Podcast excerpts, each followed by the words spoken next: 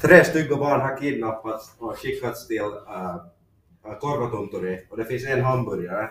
Jag undrar vad den är gjord av. Julgubben kommer att veta efter att han har ätit den.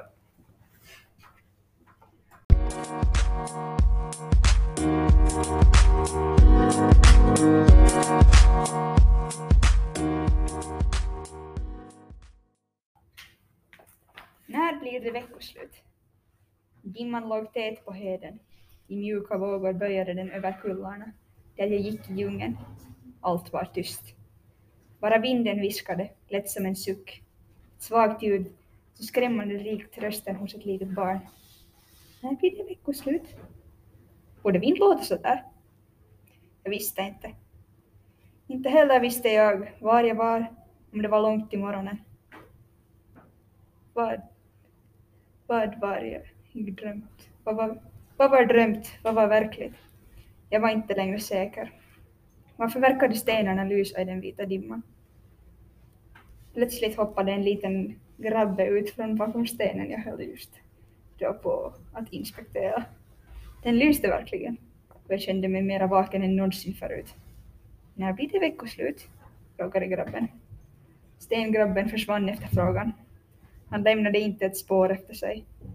Varför kom han just till mig, undrar jag då ett mystiskt ljud kom från buskarna. Mellan susen hörde jag. När blir det veckoslut? Jag fortsatte gå. Om jag bara ignorerade ljudet kunde jag kanske komma undan. Men ljudet bara fortsatte. Allt högre och högre hördes viskningarna. När blir det veckoslut? Det hördes ett knastrande ljud från skogskanten.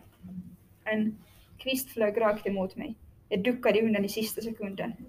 Ett par ögon var allt jag hann se innan jag hörde det igen. När blir det veckoslut? Ögonen blinkade till och verkade närma sig. Hjulen port öppnades i klippan framför mig. Jag flydde från ögonen, in genom porten och ner för en klart upplyst trappa. Trappan var en spiraltrappa med trappsteg av glas, tillräckligt hal för att få mig att halka ett par gånger.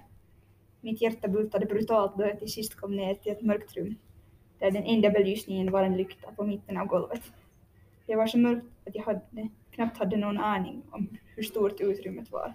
Eller om det fanns någon väg eller korridor som kunde föra mig någon annanstans. Världen blev mörkare och mörkare och mörkare.